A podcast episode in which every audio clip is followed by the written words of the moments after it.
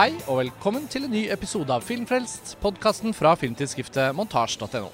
Mitt navn er Karsten Meinick, og vi i Montasj er fortsatt på filmfestivalen i Cannes. Arrangementet er nå ca. midtveis, og i anledning at man har sett en god del film, så har vi invitert med en gjest som dere kjenner godt. Vi har med oss Filmklubbforbundets Chloé Faulkner, som også er her i Cannes.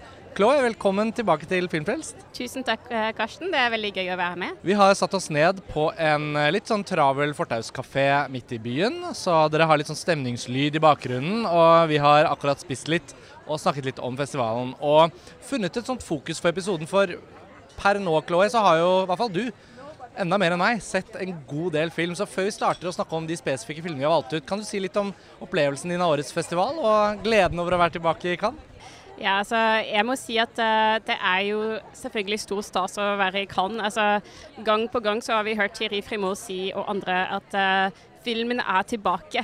Altså Etter den lange pausen, uh, å endelig kunne samles med andre og være i en stor kinosal og bare kjenne på kjærligheten for film.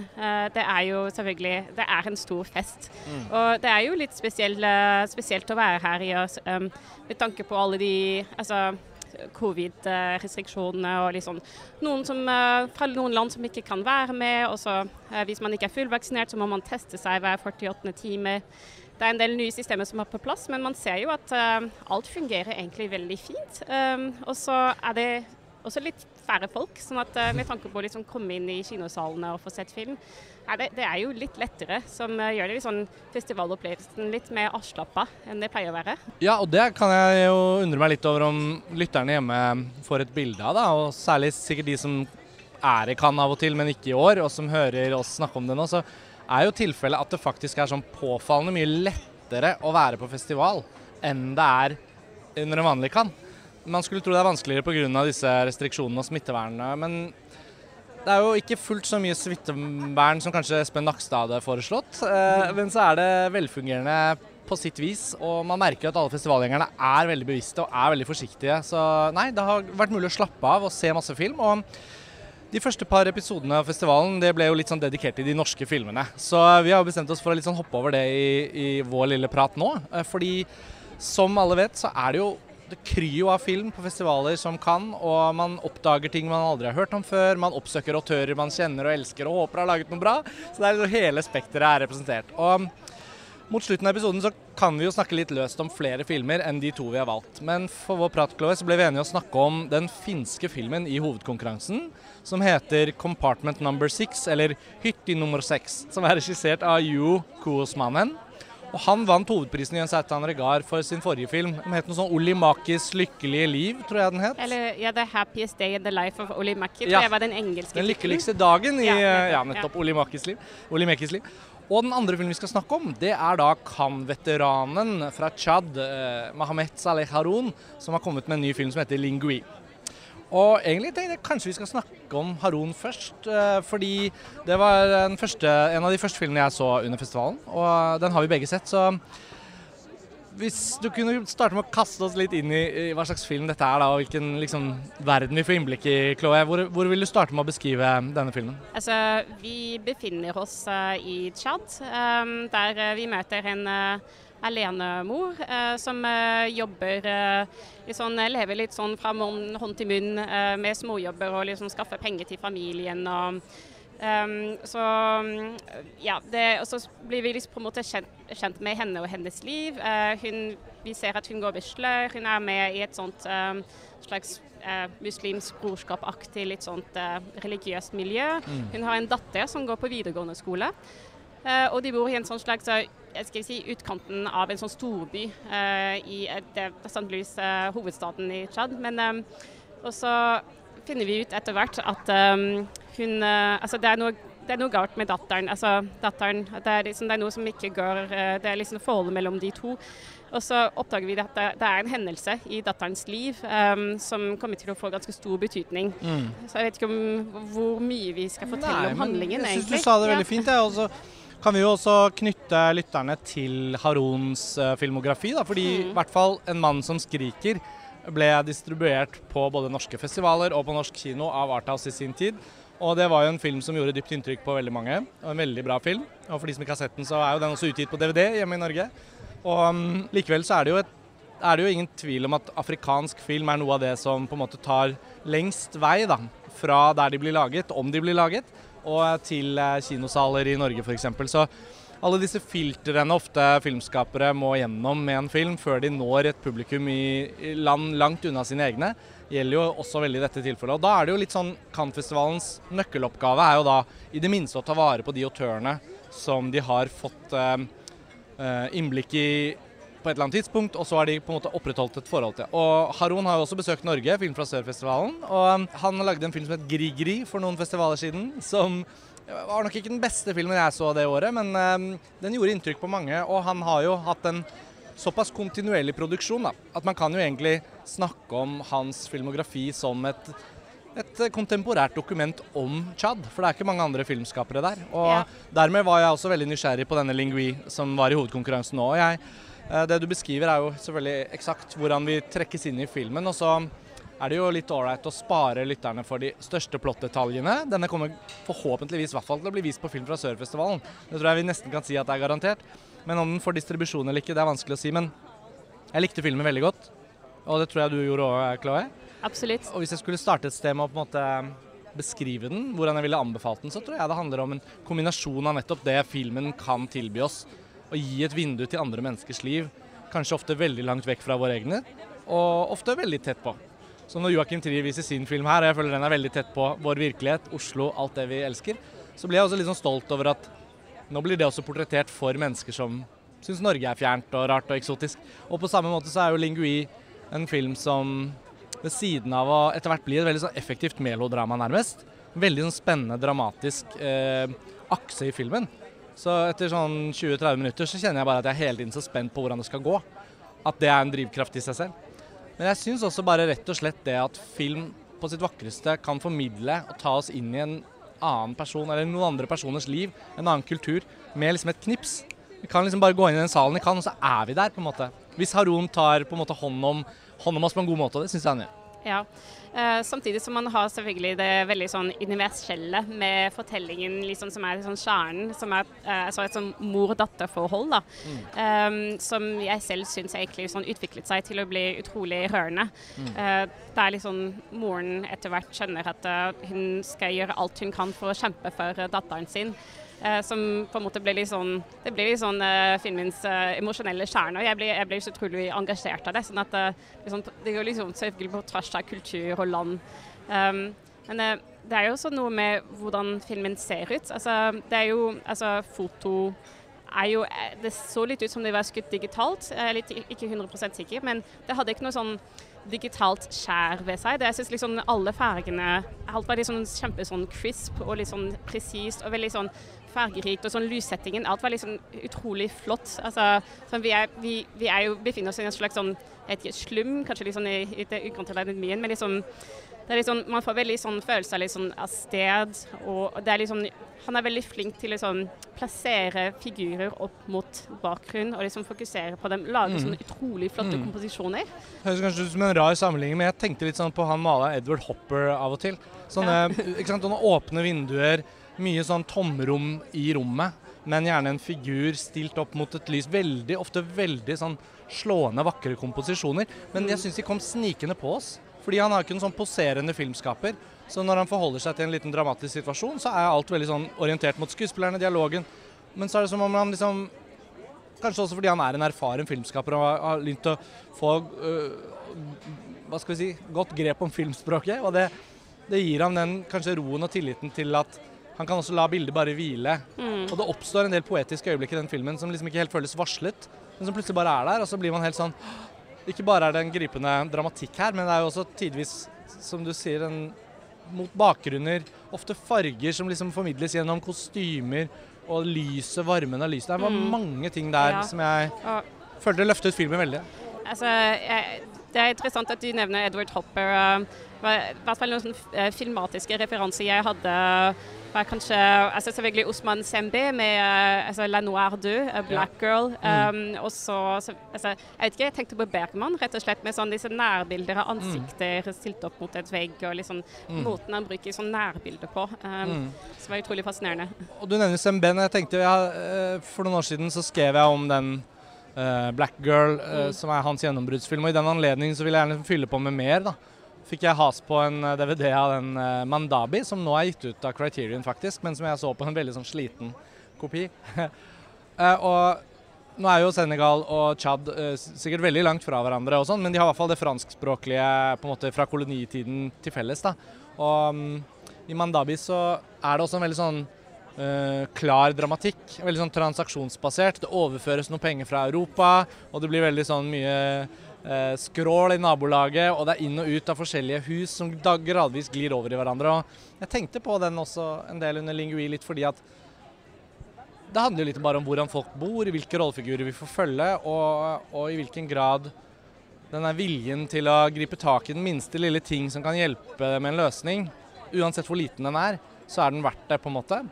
Og det, En av grunnene til at Lingui også blir sånn rørende uten at det varsles, men plutselig så bare griper den. Det syns jeg handler om det, da, at hun hovedpersonen som er mor, og som etter hvert blir bare mer og mer dedikert i sin kamp for datteren, hun vil også rette opp i hva hun selv ikke fikk til. Og når hun møter sin søster, som er sånn scene du liksom ikke helt vet Du vet ikke helt at den kommer før den kommer. Og så skjønner man veldig fort at der har det vært en familie som har kastet henne ut eh, fordi hun fikk barn da hun var veldig ung. Og hun er en alenemor for denne datteren som står i sentrum for dramatikken. Men når hun da møter sin egen søster, og de gjenforenes på en måte, fikk jeg skikkelig klump i halsen. Mm. Fikk det nesten nå bare å gjenfortelle. fordi det er i all sin enkelhet at det blir så sterkt. Og det føler jeg kanskje er Harons aller fremste styrke. At han klarer å liksom bare ikke, Det blir ikke noe mas. Blir, og filmen er 85 minutter lang, eller noe sånt, det er liksom så presist. Ja, det er deilig med filmer som bare varer ja. halvannen time. Absolutt.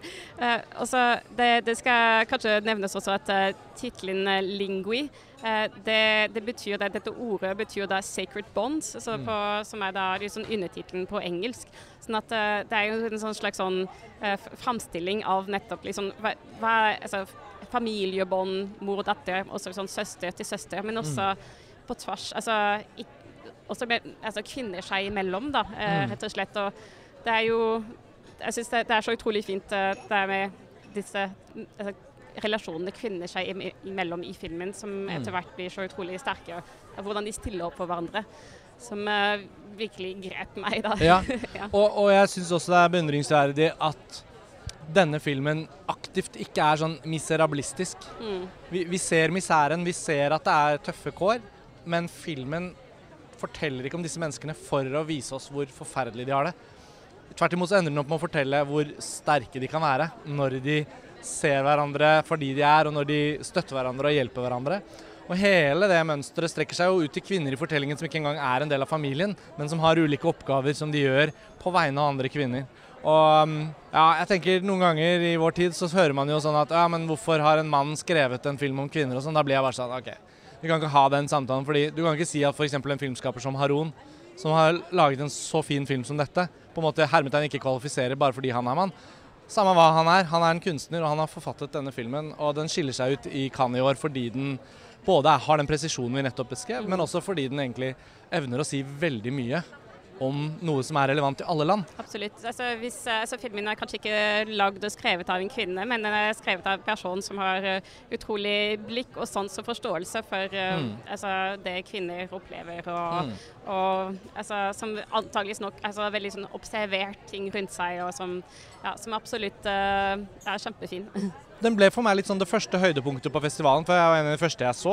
Eh, og hvis vi skal bevege oss videre til den finske filmen, så tenker jeg jo at den kom på et tidspunkt hvor jeg begynte å merke at veldig mange av filmene jeg ser, er bra. Jeg begynte å si liksom Lars Ole Kristiansen er jo ikke med på akkurat denne episoden, men han er og ser en film nå. Senest før i dag så sa jeg er det litt sånn at det begynner å bli en bra årgang. Er det det som skjer? Jeg sier et smil om munnen. Og Chloé, du nevnte det jo nå før vi gikk i opptak at du har i din lille, veldig fine notisbok som ligger her på bordet foran oss. hvor, eh, Nå løfter jeg den opp. og Her eh, i en sånn sigarettboksstørrelses notisbok så har du notater fra hver av festivaldagene med en liten karakter bak hver film. og Det er jo all hovedsak filmer du ser ut til å ha likt ganske godt. da. Hvis du skal liksom ta oss over i den finske filmen, deler du den oppfatninga at mye av det du har sett her nede, faktisk har vært ganske bra? Altså, jeg kom på festivalen ganske tidlig, eh, så jeg har kanskje sånn eh, litt annen opplevelse. I den grad at eh, jeg følte at i starten så, så jeg rett og slett veldig mye film, uten at det var kanskje noen store øyeblikker, noen store liksom, opplevelser som skilte seg veldig ut. Men jeg syns at disse opplevelsene begynner å komme liksom, i rekke og rad nå, sånn at mm, uh, det, det, tar seg veldig opp. Ja. Uh, og en av de høydepunktene jeg hadde helt i starten, uh, var jo faktisk den der finske filmen um, 'Compartment Number Six'. Ja, og vi får nesten bruke den engelske tittelen. Ja. den kommer sikkert til å få Den har fått norsk kinodistribusjon, vet jeg. Mm. At Merfilm har kjøpt den. Um, så den kommer jo, og den får sikkert en fin norsk tittel som vel blir noe sånn kupé nummer seks, kanskje, da. For vi skal jo til toget. En togfilm, rett og slett, er dette. En slags sånn eh, roadtrip uh, ja. på tog. ja. Hvor, hvor, skal vi, uh, vi får si kort hva det handler om. Jeg kan begynne. Hovedpersonen er en finsk uh, ung dame. Som Ikke jente, hun er liksom kanskje si noen og 30, da. Og hun studerer arkeologi i Moskva og har innledet et lidenskapelig forhold til en professor som heter Irina. Hvis ikke jeg husker feil. De har et nært forhold. De, de, skjul, liksom, de er på en sånn fest hvor de går over i et annet rom og har eh, åpenbart veldig store lidenskap for hverandre, men de må liksom holde den litt sånn skjult. Men så skjønner vi etter hvert at hovedpersonen, som jeg nå ikke husker navnet på, men hun finske, da, som snakker ganske greit russisk og åpenbart har bodd her noen år, hun skal til Murmansk fra Moskva med toget. Og det er egentlig en tur hun skal ta med da elskerinnen, men eh, så får hun beskjed om at hun må dra alene. At hun andre ikke er med. Og det er litt sånn den igangsettende hendelsen. Hun drar, drar på toget uten den hun skulle dra med, men hun skal da til Murmansk for å se på hulemalerier.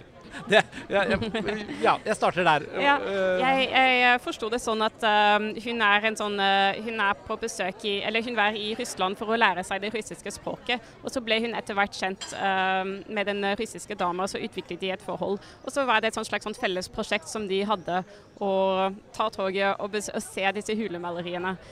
sånn at Og så viste det seg da at um, hennes uh, kjæreste, elskerinne, hva skal jeg si, uh, ikke har mulighet til å dra. Og der bestemmer der hovedpersonen seg for å ta toget og dra til Murmansk. Uh, og så er filmen rett og slett fortellingen om denne togturen, der hun, som er varer ganske mange dager. ja, så Det må være en av de lengre ja. togturene, men det er vel langt, da? Ja, og du glemmer det... jo hvor langt det er mellom punkt 1 og punkt 2 i Russland. Og ja, har, dette er jo ikke jeg... den transsibirske jernbanen, må sies, da, hvis noen misforstår. Dette er jo da den iskalde, litt sånn kranglete veien opp til Murmansk? altså, jeg har ikke veldig godt kjennskap til russisk geografi, men jeg uh, antar at Murmansk ligger ganske langt unna. så der var liksom Toget kjører, og så er det noen stopp hvor liksom de, de, altså, Toget kjører ikke gjennom natta, men det må stoppe i visse byer. sånn at dette tar lang tid. Og så er hun da i en sånn kupé. Uh, den nummer seks. Uh, hun blir bare satt der i starten og må dele den kupeen med en annen person. Eh, som eh, er en ung russisk mann. Eh, og så starter dette, denne turen egentlig litt dårlig, med at det første som skjer, er at vodkaflasken skal frem på bordet, og det er litt sånn rett på med drikking. og så litt sånn ja, det er sånn, litt sånn grove tilnærminger, og hun blir rett og slett litt sånn satt ut. Herregud, hvor har jeg havnet nå? Hvem, oh, dette, den situasjonen må jeg bare gå, komme meg ut av, på en måte. Ja. Jeg, jeg, tror på mange måter at jeg hadde hennes opplevelse ja. da han ble introdusert i filmen. Og det vekket jo på en måte da det som kan ja, Man må bare kjenne da uheldige fordommer om en viss type russisk mann som man tenker på som er han er han delvis nynazist, er han delvis hooligan, ikke sant? fordi han har et visst sånt ytre og et væremåte. Men så blir man jo konfrontert med sine egne fordommer, for sannheten om film er jo selvfølgelig at den får oss med på å forstå mennesker som ved første øyekast eller første oppførsel kan virke litt eh, farlige eller litt skumle eller hva det er. Og det hun opplever etter hvert, er jo at det ikke er noen vei ut av den kupeen. Hun må dele den med han. Hun kan selvfølgelig forlate den og dra i spisevogna eller gå ut på perrongen når de stopper et sted og sånn, men etter hvert så forsoner hun seg med tanken om at det er han fyren her jeg skal dele kupeen med. Og ikke lenge etter så blir hun jo fascinert av ham. Altså hans Han har en sånn leken, impulsiv væremåte, men han er også ganske morsom, og han har noen sånne særtrekk som både hun og vi da gradvis får innblikk i, og dermed Ja, uten å si så voldsomt mye mer om da hele plottet, så tenker jeg vel at dette premisset er da liksom skildringen også litt av ensomme sjeler som finner et fellesskap. Og det er det jo laget film om mange ganger. Likevel syns jeg Kuåsmannen er ganske god her på å utnytte det premisset som er sånn OK, det er tog, det er en reise, det er et mål. Sånn, Da er det gjort unna. Mange har gjort dette før. Men hva kan jeg gjøre med det? Og jeg tror kanskje jeg må starte med å si at jeg syns filmen hadde en veldig sterk sånn kinofilmeffekt. Desto mindre lerret eller skjerm, desto dårligere lydanlegg, desto mindre virkningsfull tror jeg denne filmen blir. Jeg følte jeg var i det toget. liksom, var omsluttet av lyden. Det var fantastisk sånn tredimensjonalt lyddesign. Det, det liksom sjanglet og knirket. og På en måte så følte jeg meg så innkapslet av filmen at da det lille kammerdramaet egentlig liksom mellom de to, da, vennskapet de fikk, eh, utviklet seg, så var jeg egentlig ganske sånn grepet av filmen. Ikke sånn nødvendigvis sånn rørt, men sånn jeg var helt inni det. Så jeg, jeg likte den òg, jeg. Ja. Eh, Det er noe med sånn Det er veldig trangt i den kupeen. Altså, man må få komme opp på sin eh, seng, så må hun da liksom på en måte ta litt sånn ett bein på én siden og liksom ta ett bein på bordet. Man kjenner veldig liksom på den der klaustrofobien. Det er ingen andre steder å gå. Liksom, at hun må bare være der. Eh, og, og ja, det er veldig gjenkjennelig for eh, Altså, man, alle har kanskje liksom tatt et litt lengre togtur, kanskje delt et kupé med noen som man ikke nødvendigvis kommer så veldig godt overens med. Og så liksom, ja, se den utviklingen. Altså, jeg tror for meg så var det den um, Ja, altså, det er veldig sånn sympatiske blikket, rett og slett. Det var sånn slags sånn det, det blir nesten litt sånn klisjé å si, men det er jo litt sånn humanistisk, da. Uh, litt sånn den uh, jeg tror, som også var til stede i uh, regissørens forrige stil, film, Mm, mm. The Happiest Day in the Life. At, det er jo en slags sånn letthet der, eh, sånn, eh, altså, kombinert med en utrolig sånn finstemt skildring av noen litt sånn utstøtte karakterer. Litt sånn nei, ensomhet. Man kjenner veldig godt på det sånn, Mm. Hun er på den turen som hun egentlig Kanskje, Hun vet egentlig ikke hva hun driver med. da. Hun hun skal se disse hulemaleriene. Det er blitt veldig viktig for henne. Men liksom, at det egentlig, uten kjæresten så har ikke den turen noen mening. Så hvordan hun skal da finne eh, til rette i Mm. den turen. Og, litt sånn, Mm. og ja, det er det at hun er litt sånn litt lost, men finner da, søker å finne noe i den mest usannsynlige plassen, på en måte. da. Ja, jeg er helt enig. Og så syns jeg det at den Den vet jo åpenbart veldig godt hvor den skal. Så det er noe med at når jeg tenker på filmen nå, så føler jeg noen av de stegene den gjør tidlig, da.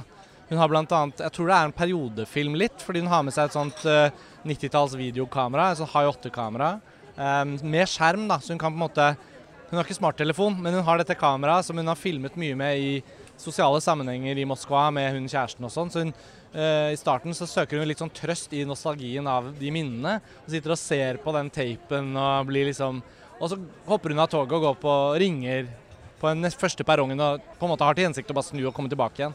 Eh, men så lar ikke det seg gjøre, og så skjønner hun at hun er ikke egentlig ønsket tilbake i Moskva heller. Så liksom Jeg føler han har funnet gode sånne små grep. Om det er bare en rekvisitt som det kameraet, eller, eller sånn som det at hun kan gå av på en perrong og ta en telefon fra en sånn telefonboks og sånn. Det, det, det, er smarte ting som gjør at vi, vi skjønner at ok, den ensomheten og det valget med å bare følge den togreisen til sin ende i Murmansk, det blir ikke helt noe hun kan omgå. Og kanskje er det reisen hun skal på. Og det er jo derfor også filmen liksom får det der litt mer sånn poetiske løftet underveis, fordi det blir som at toget egentlig ikke helt har en holdeplass den skal til, at det bare er på en evig Og da blir det jo litt sånn symbolikk i det. Jeg hadde veldig sansen for det. Jeg eh, er helt enig også det du trekker fram med det tidsbildeaspektet, som eh, også altså, gjør, litt sånn, gjør at filmen blir litt sånn fascinerende. Litt sånn, og, og, å se, altså, vi er i Russland på 90-tallet, og det er jo litt sånn ja, postsovjetiske på en måte, men liksom uten at det blir sånn veldig sånn eh, overtydelig. Eller sånn, det understrekes ikke sånn veldig liksom, eh, Det er ikke så veldig mye sånn uh, fokus på den politiske situasjonen. Men sånn, det er litt sånn å være på det stedet med disse menneskene, og, liksom, og kanskje også bli konfrontert med de fordommene man selv har om Russland og russisk kultur, da, som jeg synes Mm. blir sånn, det var utrolig fascinerende. Ja, absolutt. Dette er ikke en film hvor du får se en Lenin-statue bli revet ned liksom, av noen som hoier. Altså, den er på en måte både en periodefilm fordi den har disse detaljene som gjør at vi i hvert fall ikke føler at den foregår i nåtiden. da. Parallelt med at den også, fordi det er et lukket rom og det toget er liksom ikke helt knyttet til verdenen rundt, så blir den litt sånn Jeg opplevde den litt sånn allegorisk verden. Det, det, er, all, det er jo ikke en sånn fantasiverden, eller det er jo ikke noe sånn Nei, den er veldig men avsondret på en ja, måte. og det tror jeg kom veldig til filmens Ja. fordel etter hvert. Fordi den blir jo monoton nå, du kan jo ikke unngå det. at Det blir mye tog, og det blir bare de få rollefigurene vi møter. Men fordi den liksom vet å bruke det til noe, istedenfor å kanskje bli repetitiv, så gjør den jo egentlig um, relasjonen mellom dem får en intimitet som filmen også konsentrerer seg om. Og da er det ikke alt det andre utenfor så viktig lenger. Uh, så den er veldig sånn modent lagd. Og det er jo et kompliment dette, da, men jeg måtte le litt at noe av det første jeg sa til uh, Lars Ole da jeg rapporterte om denne filmen, som han ikke så, var at dette er den perfekte TIFF-filmen. Altså Filmfestivalen i Tromsø i januar. Liksom, det, det, det, kan liksom ikke være mer enn TIFF-film, nesten.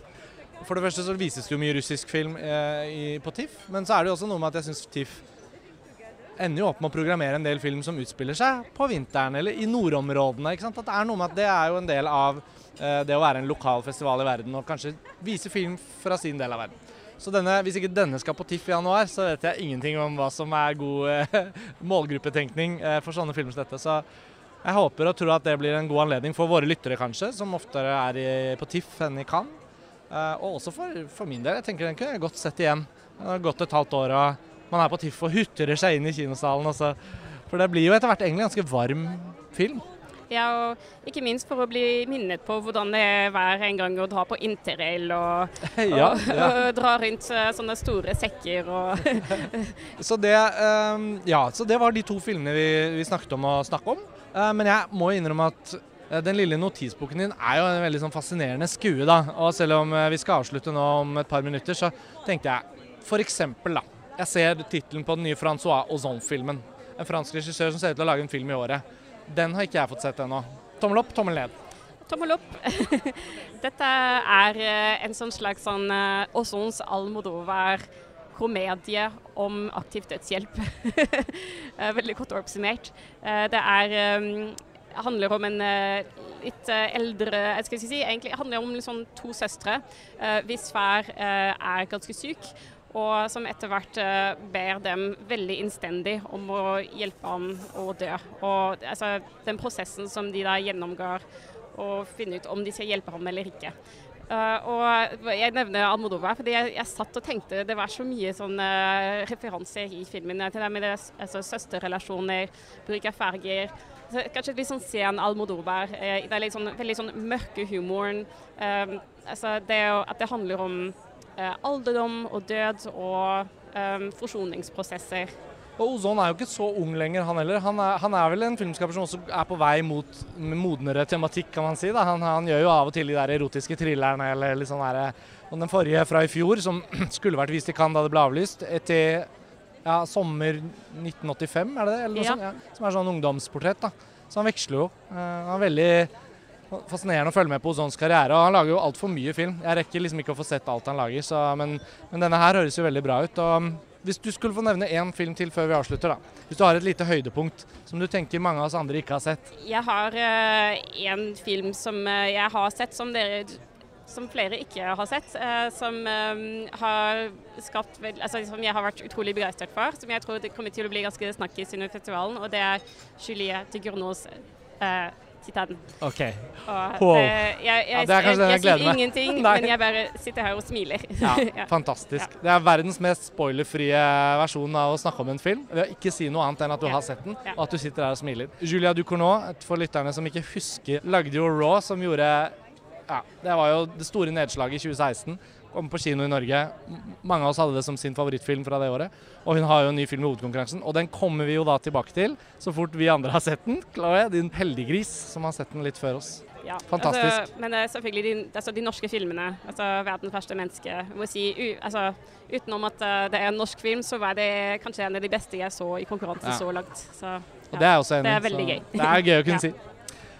Men du, tusen takk for at du tok deg tiden til å være med på denne episoden. Du var jo her litt før oss andre, og du drar litt før uh, vi drar. Så uh, det var hyggelig å få tid til. Og så, um, hvis vi rekker en kort prat før du drar om noe annet som vi har på temaet, så hører de fra deg igjen. Men hvis ikke, så, så god sommer. Tusen takk.